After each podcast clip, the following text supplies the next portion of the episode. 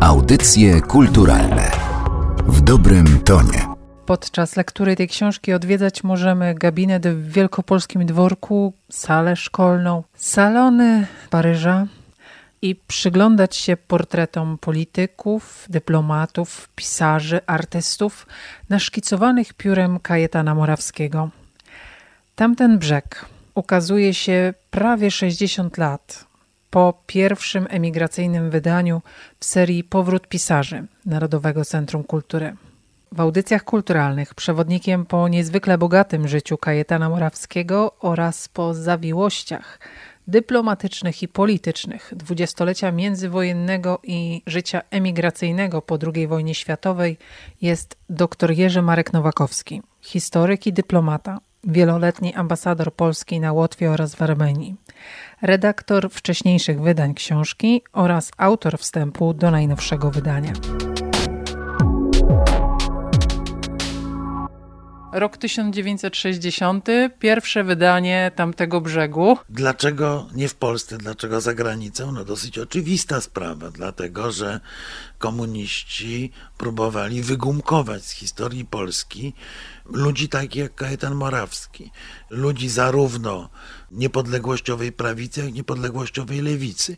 Przecież to jeszcze wtedy była cały czas opowieść o strasznych czasach sanacji, a tu nagle pojawia się ktoś, kto pisze o tym zupełnie inaczej. To po pierwsze, a ważniejsze jest to, że Kajetan Morawski był znaczącym działaczem polskiej emigracji politycznej, że nigdy nie uznał uzurpacji sowieckiej do rządzenia Polską, że był przez całe lata związany z rządem emigracyjnym, że reprezentował ten rząd emigracyjny nawet wtedy, gdy on był już właściwie przez prawie nikogo nie uznawany wobec władz francuskich i ja myślę, że wiele kontaktów Francji ówczesnej z PRL-em odbywało się po zasięgnięciu dyskretnej rady u Kajetana Morawskiego.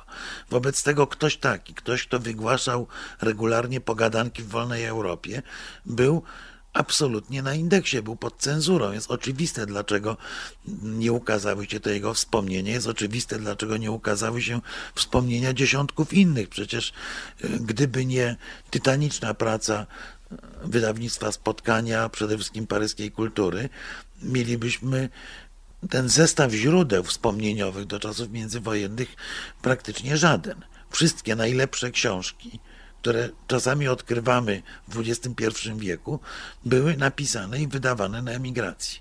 Nie mówiąc o tym, że, że nie sądzę, iżby Kajetan Morawski miał wtedy ochotę wydawania czegokolwiek w PRL-u, który zwalczał. Podróż przez lata w tej książce rozpoczynamy jeszcze w XIX wieku. Jestem zupełnie innym czytelnikiem niż pan. I myślę, że dzięki temu nasi słuchacze będą mogli zobaczyć, jak bogata jest ta książka, zarówno pod względem historycznym, jak i samego języka, ujęcia, subtelności w portretowaniu osób. Ja to nazywam subtelnością, pan może to określić jako dyplomacja? Nie, elegancja. To jest e, coś, co z żalem stwierdzam, że chyba w epoce internetu kompletnie zatraciliśmy. To jest elegancja słowa. To jest elegancja słowa, którą tradycyjne polskie ziemiaństwo wynosiło z domu. I niewątpliwie zarówno Kajetan Morawski, jak jego syn, bardzo znany dziennikarz Maciek Morawski, który mnie namówił do przygotowania tej publikacji zresztą, posługiwali się piękną, czystą polszczyzną. To jest polszczyzna elegancka. To jest język, który się naprawdę z przyjemnością przyjemnością czyta. Zresztą Powiem inaczej, Kajetan Morawski był jednym z najlepszych polskich pisarzy pamiętnikarskich. On wydał kilka książek o charakterze wspomnieniowym, ta jest bodaj najciekawsza, ale wydał również takie felietony, które wygłaszał w Wolnej Europie, które potem spisał o niepodległym dwudziestoleciu, będące wspaniałym językowo i nie tylko językowo, również merytorycznie dokumentem. Kajetan Morawski był przedstawicielem hmm, bardzo mało tak naprawdę popularnej grupy polskiego ziemiaństwa. Polskie ziemiaństwo najczęściej kojarzy nam się z kresami wschodnimi, z wielkimi rodami kresów wschodnich. Tymczasem Morawscy to jest stara, zasiedziała rodzina wielkopolska, Wielkopolska to był matecznik tych nie takich magnackich, wielkich, ale solidnych, potężnych rodzin ziemiańskich, które już w XIX wieku wychowywały głównie swoje dzieci na profesorów, filozofów, polityków, nie koncentrując się wyłącznie na kontynuowaniu gospodarstwa. Zwykle jeden z potomków pozostawał w pałacu czy dworze, pozostali funkcjonowali w życiu społecznym. Zresztą to jest właśnie przykład Kajetana Morawskiego, a to jest przykład jego bliskiego kuzyna Kazimierza Marii Morawskiego, wybitnego filozofa krakowskiego przełomu XIX-XX wieku i tak dalej, i tak dalej. To jest taki świat rodzącej się dużej polskiej inteligencji twórczej. Przytoczę takie zdanie z książki. Cały epizod strajkowy nauczył mnie wiele. Wskazał, jak w mikrokosmosie wiejskim rodzą się i krzyżują te same zagadnienia, co w życiu państwa i narodu. Kajetan Morawski pokazuje mikrokosmosy różne, w których uczestniczył, a my dzięki temu poznajemy świat.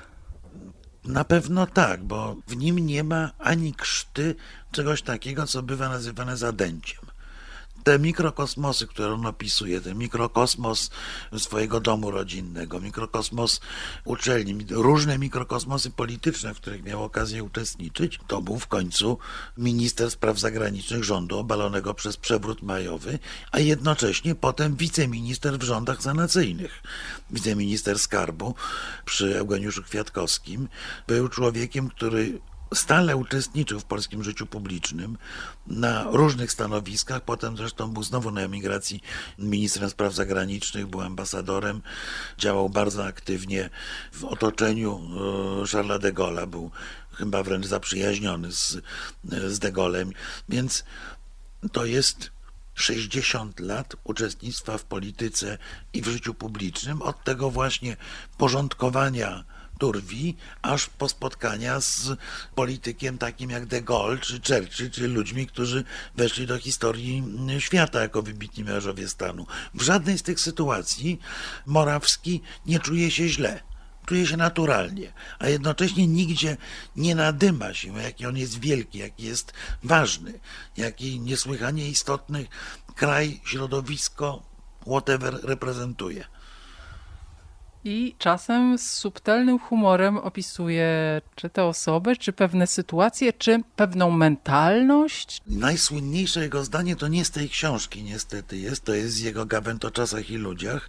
To fantastyczna definicja marszałka Piłsudskiego, który był genialnym litewskim szlachcicem, prowadzącym do niepodległości, a potem starym Piłsudskim zgorzkniałym i zdenerwowanym, który chodził z lagą, rozdzielając cios na lewo i prawo. Nie przytoczę dosłownie, jest pięknie napisane, ale to jest niebywale ciekawa obserwacja przez człowieka, który jest odległy od Piłsudskiego, który wywodzi ze środowiska raczej zbliżonego do przeciwników marszałka.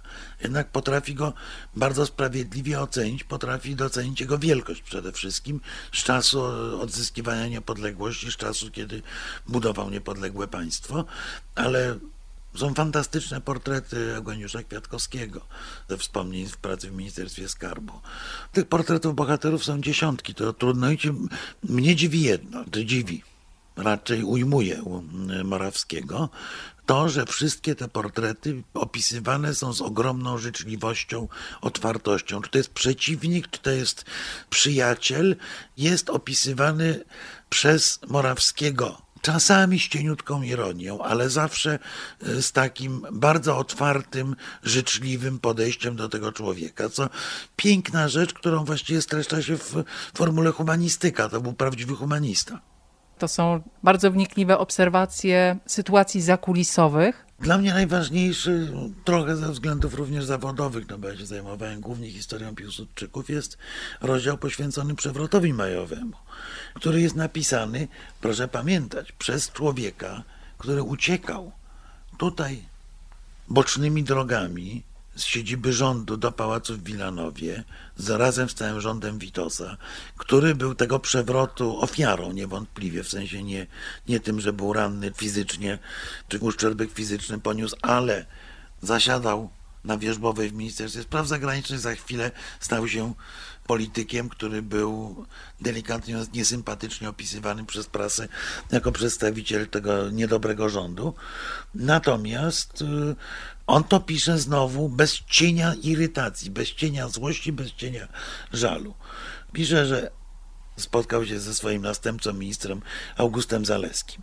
Przyjął mnie siedząc za biurkiem, w którego szufladach znajdowały się jeszcze pozostawione przeze mnie papiery i akta. Piętnaście dni wcześniej rozmawialiśmy w tym samym gabinecie w sytuacji politycznej i hierarchicznie odmiennej. Odwołany z Rzymu i mianowany posłem w Tokio uważał Zalewski, że stała mu się krzywda. W uprzejmej kurtuazji, z jaką przyjmował mnie teraz minister, nie znalazłem śladu niedawnej goryczy. Rozmowa nasza miała przebieg poprawny i łatwy, więc proszę sobie wyobrazić, no, setki ludzi, w końcu sto kilkadziesiąt osób zginęło na ulicach Warszawy. Jesteśmy po przewrocie wojskowym i ci dżentelmeni spotykają się 15 dni po tym, gdy spotykali się w odwrotnej sytuacji i są dla siebie uprzejmi, eleganccy, co więcej, to nie jest sztuczna uprzejmość i elegancja, więc zresztą takich scen jest tutaj y, kilka w różnych sytuacjach. We wspomnieniach Kajetana Morawskiego, ale ja myślę, że to jest książka, która powinna być tak naprawdę lekturą obowiązkową dla naszych polityków, że można się bardzo różnić do poziomu, że się do siebie strzela, a jednocześnie można y, zachowywać formy godne przedstawicieli elity, bo jeżeli już mówimy o, o tych wspomnieniach, to jest dla mnie przede wszystkim zapis sposobu myślenia i sposobu funkcjonowania przedstawiciela w dobrym tego słowa znaczeniu elity II Rzeczypospolitej. To jest to środowisko, które potem za absolutnie naturalne uznało opór przeciwko niemieckiej okupacji, to jest to środowisko, które zbudowało z niczego tą e, Polskę międzywojenną. Przypominam każdemu, że różnice pomiędzy zaborami wtedy były takie, że jak się jechało do Krakowa samochodem z Warszawy, to w początku lat dwudziestych trzeba było za Radomiem zjechać na lewą stronę, bo w Galicji był ruch lewostronny że przestępcy uciekali z kongresówki do Poznańskiego, ponieważ tam obowiązywał inny kodeks karny. To wszystko to pokolenie odbudowało, zbudowało taki kościec tej niepodległej Polski, którego komuniści nawet nie potrafili naruszyć.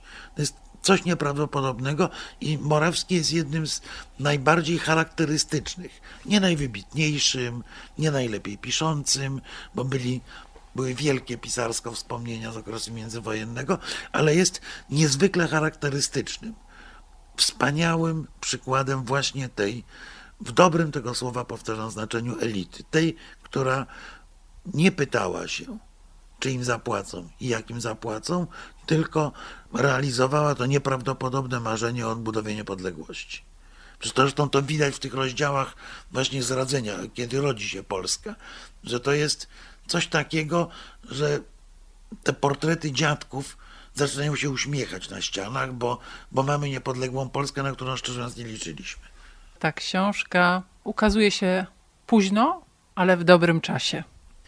Na pewno stulecie niepodległości jest wspaniałą okazją, żeby właśnie Kajetana Morawskiego przypomnieć, żeby przypomnieć nie polityka walki i konfrontacji, a polityka łagodzenia kantów.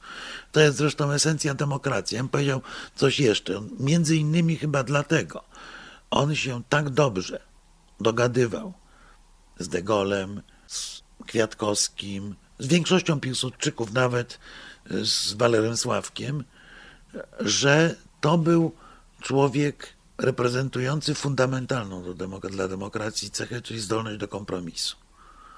On był nastawiony na zadanie, na cel, a nie na to, żeby kogoś pognębić, z kimś wygrać. Tacy ludzie tworzą Polskę i znakomicie, że to jest właśnie ten moment, że przypominamy go.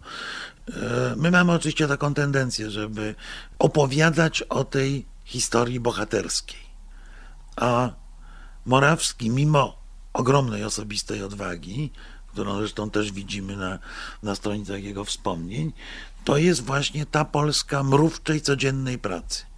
budowy, brzydkie słowo, infrastruktury państwa, infrastruktury prawnej, kulturowej, urzędowej i tej fizycznej w postaci dróg i mostów czy fabryk, bo Ministerstwo Skarbu w okresie międzywojennym to było w rzeczywistości Ministerstwo Gospodarki więc miało dużo szerszy zakres niż tylko opieka nad, nad skarbem państwa.